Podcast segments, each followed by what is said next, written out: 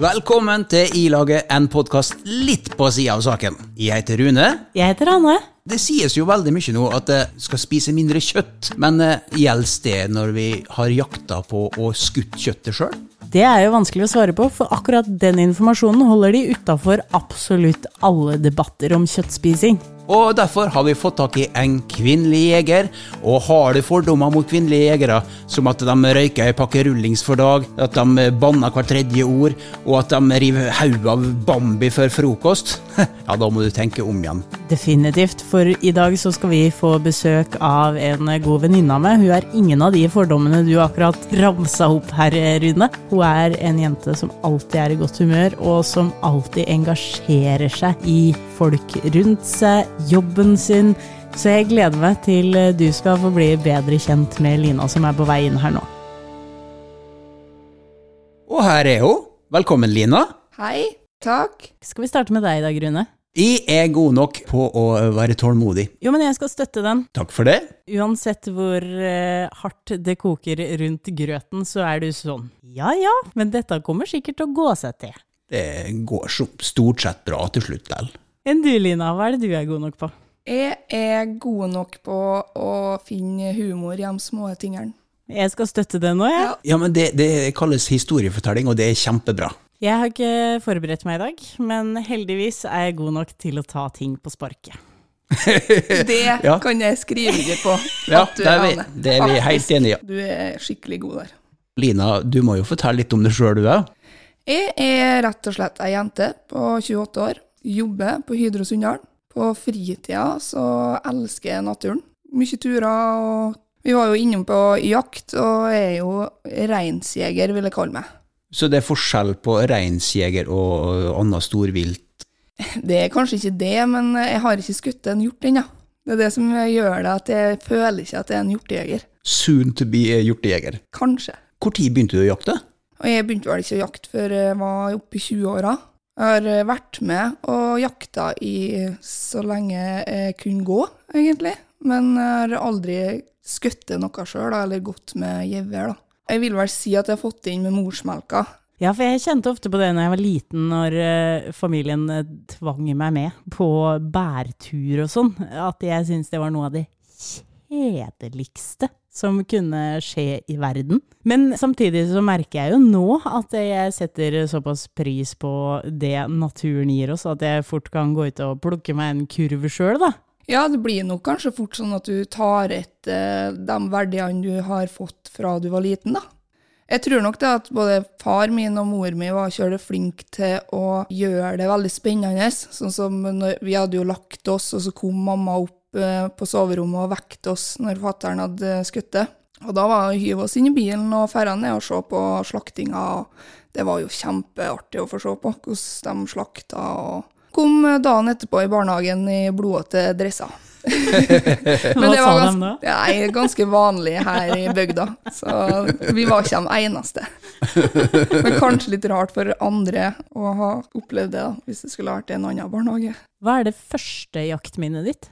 Eh, Det første jaktminnet som jeg kan huske sånn rett på sparket, det er vel i lag med min far. Tidlig på morgenen, og trøtt, og det var kaldt, og pappa var alltid sånn som tok med seg en sovepose eller noe sånt, for vi var ganske små. Og vi satte oss ned. Og så blir nå jeg trøtt, da, for, nå- for meg så var det jo tidlig på morgenen. eh, Og jeg skal nå ikke skyte noe dyr, så for meg så er det godt å bare duppe litt utpå. Der plutselig kom eh, dyret Det var en eh, hjort, det var vel en pinnbukk, tror jeg, som kom springende bak oss. Og vi satt jo på en sånn plass at de egentlig skal komme framfor oss. Så husker jeg pappa tok hardt rundt meg og så sa han, nå må du være stille. Og så satt vi bare og kikka på han, og han sto bare og kikka på oss, og så sprang han bare videre. Så det er ikke all vei at du må skyte for å få de fineste jaktopplevelsene. Ja. Eh, Dette hørtes jo rett romantisk ut, skulle jeg si. Jeg, jeg har vært på jakt én gang i mitt liv, og det var så traumatisk opplevelse at jeg, eh, det er helt forferdelig, egentlig. Eh, Jaha. Du må fortelle. Nei, jeg var 16-17 år, så ble jeg lurt med på småviltjakt på storfugl. da. Vi så ikke en steikefugl for hele turen, men ok, vi kan kalle den for Pål. Men vi begynte nå å gå, vi gikk på kilometervis, vi gikk på mange timer. Det var for at vi gikk oss vill, da. Eh, Men mens vi gikk opp i ei sånn åskam der nå, så begynte det å stengle til med biler ned på veien nedom oss. Og det kom karer ut av bilene, sto med kikkert, og vi så helt tydelig at de var sinte. da. Men vi bare fortsatte å gå langs den åsen her, og greier. og så så vi at bilene begynte å kjøre, da, så de førte oss ned med veien. da. Etter oss så kom de ut igjen, og så sto de med kikkert der. Det var skikkelig skummelt, dette her. Kom vi borti en bekk, da, så vi gjemte oss nedi den. Så gikk vi langs med bekken så at vi ikke skulle se oss. Trodde vi. Ja, Da følte dere rett og slett jakta på? ja, vi, ja, vi følte oss jakta på. Ja.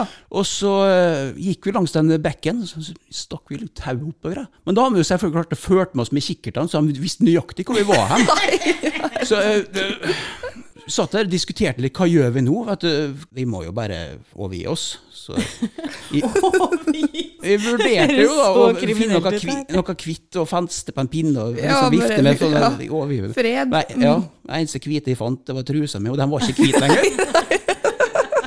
Men vi mamma opp til slutt, da, og så gikk vi ned, og det var sju-åtte mannfolk som var lynforbanna. Fordi at eh, vi har forvilla oss inn i en sånn stor viltlag, sånn territoriet deres. Og Det var dagen før storviltjakta skulle begynne, og de trodde vi var på tjuvjakt. Ja, ja, ja. Så de var snytsinte, da. Men vi fikk forklart oss litt og greier, og lovte på tro og ære at vi hadde ikke avført skudd engang, for vi hadde ikke sett fugl for hele turen. Det var faktisk helt sant òg. jeg var så dritnervøs at jeg skal aldri mer på jakt. Iallfall ikke sammen med Pål, da. Nei, men øh, kanskje med Lina? Ja ja, det, det høres jo veldig fristende ut, for det høres jo koselig og kjekt ut. Og ser til med dyr. Ja, ikke sant? Kvelden før jakta skal starte, har jeg hørt rykter om er veldig artig. Den biten kan jeg veldig gjerne være med på. Ja, det er mye gode jakthistorier som kanskje ikke har så mye med det å skutte den største bukken all vei. Eh, Det er liksom det samholdet som blir da, når en er på jakt. Det er jo noe sosialt, det er jo en hobby. Det er jo ikke vi dreper for at det er det som er kult, liksom. Nei, nei, det er bare det som må til. Det, ja. Det er en del av det, men ja. ja. Men eh, det sosiale på jakt, da, har du hatt det hele veien også? Ja, eh, fra jeg har vært lita, så har jeg nå det, da. Jeg har jo ganske mange venner av meg som er jegere. Å være ny, eksempel, og komme til en plass og du ikke kjenner noen, og du er veldig interessert i jakt, så kan det være vanskelig å, å finne sitt jaktlag å være med på. For det er jo, det er jo kompiser, sånn så i det jaktlaget jeg har vært med på, så er det jo min far og hans sine kompiser som har jakta i alle de år, og de er jo ganske sammensveisa. Og da er det jo liksom det å bli med på lasset og bli en del av dem, kan jo ikke, som jente i hvert fall, være alltid like lett, da. Men det, det sies jo nå veldig mye at eh, vi skal spise mindre kjøtt uh, pga. klima, blant annet. Ja. Gjelder vel kanskje ikke da du har jakta kjøttet sjøl, skulle jeg si? Ikke ledende spørsmål i det hele tatt. Nei, men altså, det er jo et ganske sånn inn tema å snakke om, da. Jeg ser eh, veldig mye VG, Dagbladet, sosiale medier om det at en skal spise mindre kjøtt, og at det kanskje ikke er like sunt og tjo og hei, men så, som en jeger, da, er fryseren full av kjøtt, og jeg veit akkurat hvor det kommer fra. Jeg veit akkurat hvordan det har blitt behandla. Jeg veit at det dyret jeg har skutt, det har levd sine aller beste dager i fjellheimen, og så plutselig ble det mørkt en dag, liksom. Og så ligger den i fryseren min nå. Og du veit om døgngradene, du veit hvilke deler av kjøttet som er, av dyret som har blitt brukt når det har blitt slakta. Absolutt, og, og at det ikke er behandla på noen annen måte. Sånn som grisene, eksempel, de blir jo sprøyta inn med sinnssyke mengder vann. Hvis du ser når du steiker baconet, eksempel, hvor mye mindre det blir. Og sånn er det absolutt ikke av det kjøttet og kjøttdeigen jeg bruker, av det viltet jeg har. Det er jo viktig det dere gjør som jegere òg. Og holder bestanden nede og slik. Det er det, og jeg var i Tyskland her før eh, sommeren begynte, og da var vi inne på det der med liksom hobbyer og sånne ting, og da kommer jeg og sier at eh, ja, jeg er nå jeger, og viser nå fram eh, stolt av eh, den bukken jeg skjøt i fjor, eksempel, og sånne ting, og så blir jeg møtt med sånn Nei, tar ikke bra, liksom. Så må jeg liksom forklare dem hva det egentlig innebærer, det å være jeger. De syns jo det Du dreper et dyr. Stakkars, eh, la naturen få leve sitt liv. Sånn som her, da, så er det jo veldig stor eh, populasjon av eh, hjort.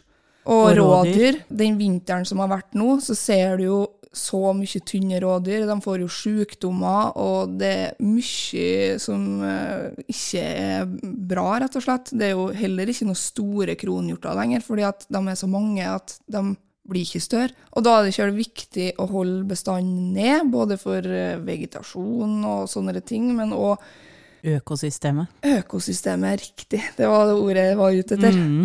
Det tenker jeg også, at eh, det er et eller annet med de reglene som er skrevet, eh, og at eh, jegerne har en kvote innenfor områdene sine. Og da er det litt begrensa, og vi kommer vel aldri i dette landet til å på en måte gjøre som de har gjort i mange andre land for å skaffe seg mat, da. At man har jaga og jakta på dyr som det ikke fins nok av, som har dødd ut på den måten. Mens her så har vi et eh, system og noen regler som på en måte bare vedlikeholder bestandene, da, hvis man kan si det sånn. De holdningene du møter i Tyskland, for de spiser jo kanskje kjøtt, men de går og henter det på butikken. Men de bør kanskje tenkes om hvor det kjøttet kommer fra, for det formeres ikke i kjøledisken.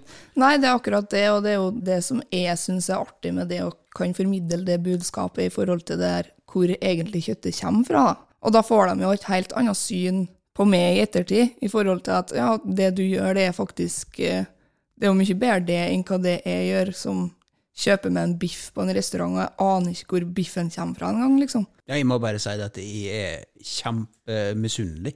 Eh, Du sitter som et tent skolelys. Ja, ja, gjør det. Skulle akkurat til å si det sjøl, òg. Ja. Sånn, Få lov til å jakte sitt eget kjøtt sjøl, og du veit hva du har i fryseren, for at du har vært med på hele prosessen. Det er Ja. Og det å tilberede et måltid som du vet du har på en måte Du har vært langt inni i fjellheimen, du har skutt det, du har båret det ned, du har partert og alt, eh, gjort alt slaktinga sjøl.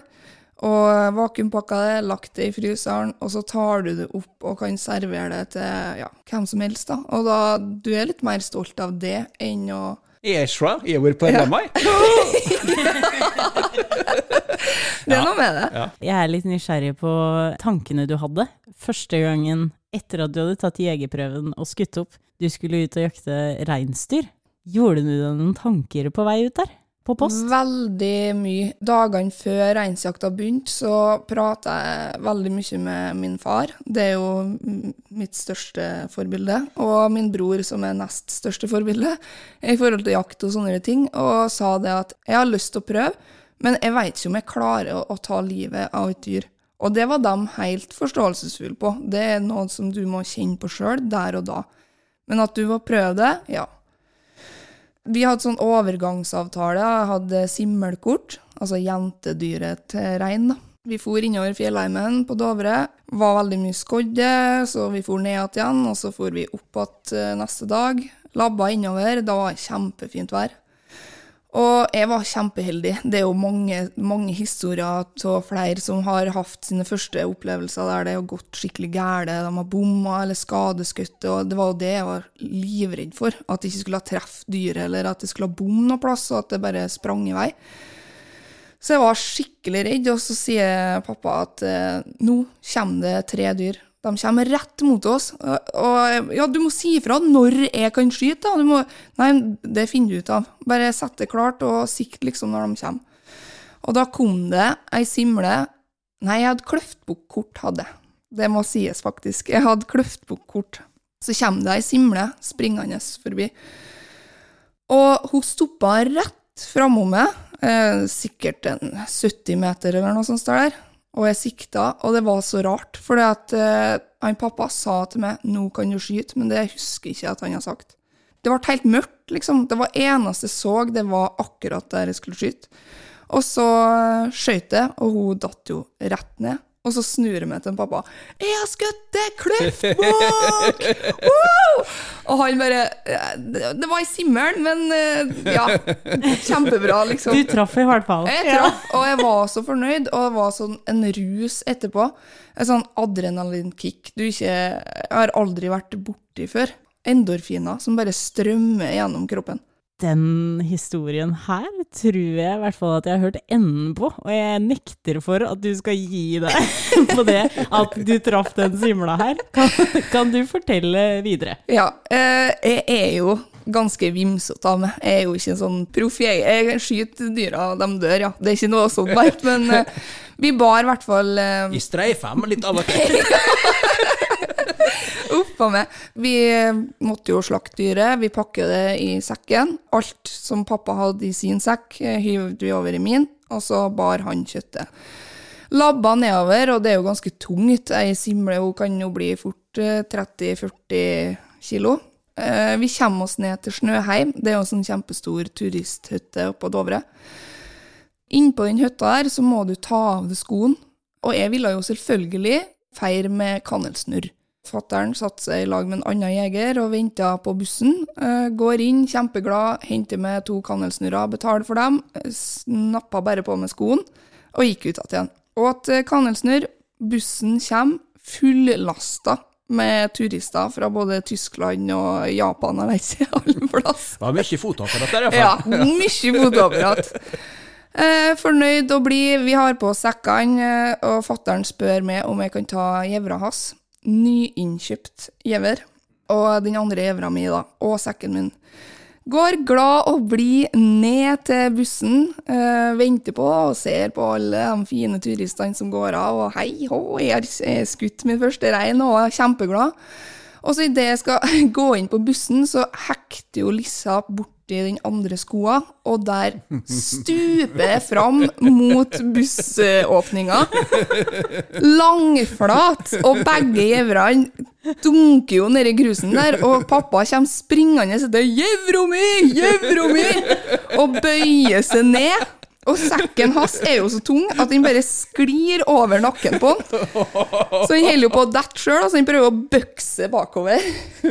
Og idet han bøkser seg bakover, så detter jo han på ryggen, han òg. Og han jegeren står der bare og kikker. Og det er så mye turister. Står og tar bilde og bare Herre min! Og så flau. Og jeg og pappa begynner jo bare å flire. Vi kan ikke gjøre noe annet. Jeg reiser oss opp, og han jegeren han hjelper pappa, for den var så tung, sekken. Og da står det to gamle damer og kikker på og, Ah, de har tunge sekker, ja! Og vi går, går inn i bussen, setter oss ned, og alt som står der, så sier jeg til en pappa De trodde sikkert vi var stupfulle. Et par lisser og Ja. en fyr som er redd for gjeværet sitt. Ikke dattera si, vil du merke. Ja, ikke hvordan det gikk med meg. Bare gjevra. Uff a meg. Du, er- du, er- du er kjent i Japan. Jeg tror det. Jeg tror det. Uff a meg. Vi har snakka mye om de positive greiene med jakt. Har du noen negative sider med jakt? Skal vi se, det er vanskelig når du på en måte, det er en hobby for deg sjøl, men eh, jeg var jo på jakt her eh, nå når reinsjakta begynte. Og min far, skal sies, eh, er veldig ivrig på jakt. Det er jeg òg sjøl. Hadde jo fått fra staten et gullkort, altså fridyrskort. Da Da kan du skyte det du vil, den største bukken. Og da fikk jeg korona for andre gang. Veldig dårlig, men tenkte på at jo da, jakt, det skal bli bra det. Det skal bli bra det. Ender med skodde, dårlig vær, feber og alt, og så er du langt inne i fjellheimen. Så dagen vi skulle gå ned og jakte oss ned, så eh, begynte vel å gå klokka ni på morgenen, og kom ned til bilen når klokka var ni på kvelden. Da var jeg veldig sliten. Har du slutta å ta buss? Da ga jeg Ja, jeg har slutta buss, ja. Jeg tenkte, går det buss, da vil jeg jakte. Søren, det skal jeg si til en Pål. Kommer kanskje på riktig sted, til og med? Ja, ja, ja. Slapp å få kjeft, da. Ja, du gjør det. Så sånn sett, negative ting er vel vær, sånne ting. Men i forhold til det å, å være med i forhold til hjortjakt eller oppskytinga, den syns jeg er veldig trygg. Du er jente og kommer på standplass der og skal skyte opp, og det er veldig mye kar som skal hjelpe til å gi deg råd og tips og sånne ting.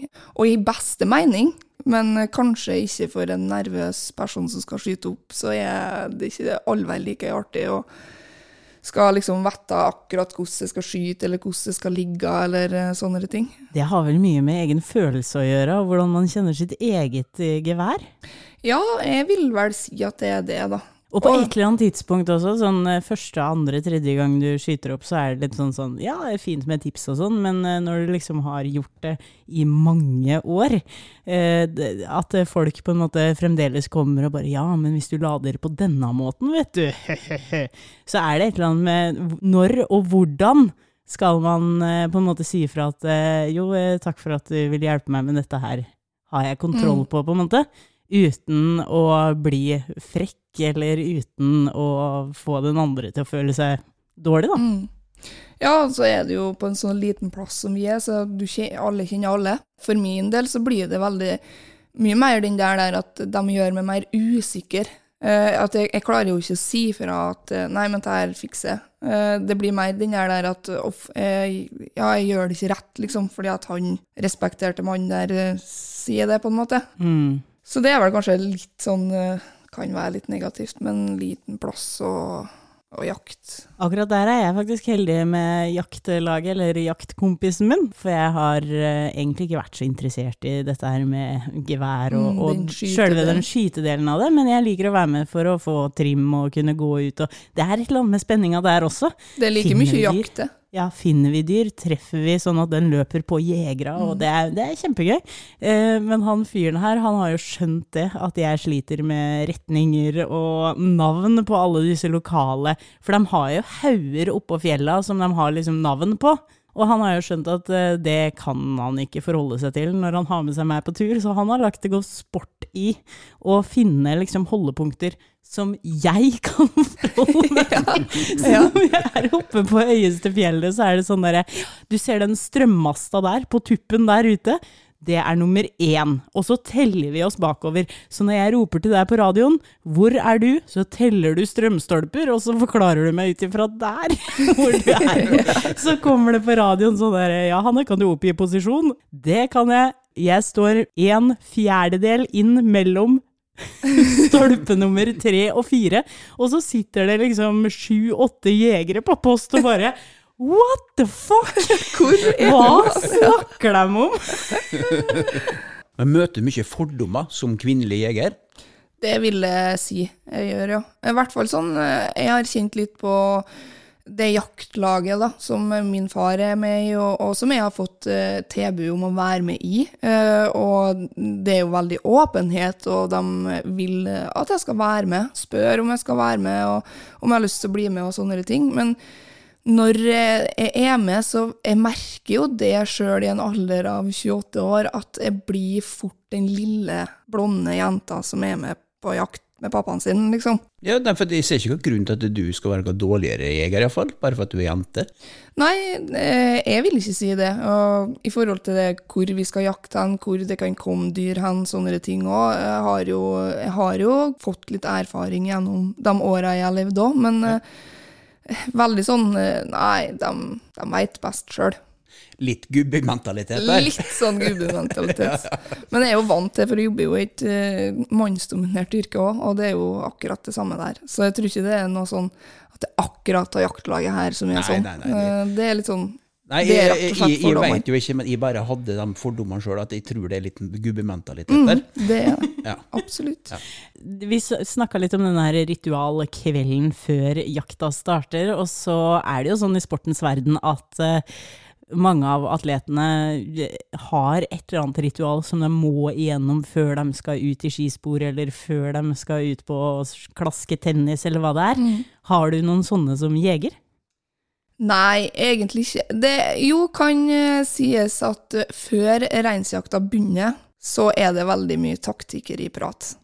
Det er kanskje et sånn rituale. Hvor er de hen, og hvem du skal si det til. og Det er litt sånn dragkamp og litt sånn leik mellom jegerne. Det er litt sånn rituale. Og det å um, pakke sekk. Der har jeg nå få sånne ritualer at jeg må ha visse ting på viss plass i sekken til enhver tid, sånn at jeg vet at når vi tar en pause, så vet jeg hvor uh, tingene jeg vil ha, ligger hen. Og de må ligge der, ikke på en annen plass. Selv om det kan være mer praktisk å ha det i topplokket, men jeg vil ha det i sidelomma, f.eks. Ja, Ja. skjønner. Det er litt rart, men det, det, ja, det må jeg. Men da er vi klare for aller siste spalten, da, som heter I bære lurer på. Det jeg lurer på, det er litt det der eh, problemet med at bygdene blir utrydda, kan jeg kalle det det? Eller eh, samme Altså, har du det i Molde, Rune? At eksempel at det, sånne små nisjebutikker bare har forsvunnet uten at vi har sett det, og så kommer det opp store kjøpesenter med bare sånn eh, typisk Hennes og Maurits, Kubus, ja, ja, sånne ja, ting. ja, Det er ikke klesbutikker, der er jeg ikke spesielt god, så det skal jeg ikke uttale meg, men det er jo sånne butikker der du fant de spesifikke tinga, Mm. de har jo forsvunnet. Jeg husker det var annet en butikk i Molde før, eh, som de solgte alt eh, du visste, der hadde de de tinga som ingen andre solgte. Ja, ikke sant? Man mister jo mangfoldet ut av det. Man har jo lagt merke til det nesten overalt. Det seneste eksempelet var jo at eh, svigermor var fly forbanna. Hun eh, skulle på butikken og hente seg noe Delfia-fett, for hun skulle bake kake. Og så fikk hun beskjed om at nei, det er sesongvare. Delfia-fett, Er det sesongvare? det er sesongvare blitt det. ja, Det okay. selger man bare før jul. Ja, riktig. Ja Så det har blitt en sånn uh, greie, og det, det gjelder jo da plutselig det får du ikke hele året lenger. Nei, ikke sant? Og der hun bor, så er det jo, det er jo fire butikkjeder. Ingen selger Delfia-fett. Altså, man mister jo mangfoldet ut av det. Nå skal ikke jeg hisse meg opp over Delfia-fett her, altså. Men, ro, ro det nå ned. men, jeg- men jeg veit jo det sånn i forhold til uh, savn sjøl, da. Jeg savner å kunne gå på slakter og få reint kjøtt. Det at man, når vi først er innom jakt, da. Ja, Eh, hvis man ikke har muligheten til å ha fryseren full av kjøtt man har jakta sjøl, Mm. så må man forholde seg til de store slakteriene som selger på butikken. Da, fordi det finnes jo ikke noe slakter i nærheten, som jeg har hørt, i Møre og Romsdal. Nei, der har du med. Jeg må gå på butikken og kjøpe, og så er det fullt av eh, vann og sprøytemiddel og alt mulig Ja, rart. ikke sant? Fått en slakter, ja. Sånn som det var. Jeg hørte de veldig gammel ut, men skal- det var mye bedre før. Jo, men det er jo noe med det der, så her nisjebutikkene. Altså, du kan gå i gatene og bare se i vinduet at der, er- der Det vil jeg ha. Nå så er det liksom sånn, du må, ja, du må på nett. Mm.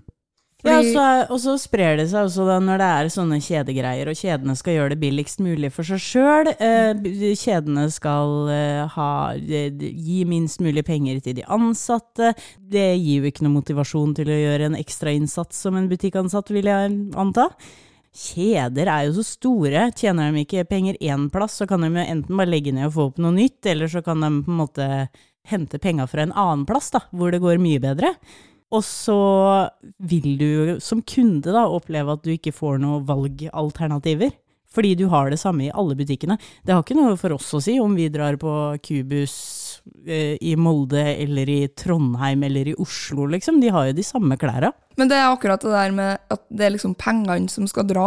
Jeg ser jo sånn som inn i bygda her, så hadde jo ei som eh, var stor på um, flatbrød, Mospen gård.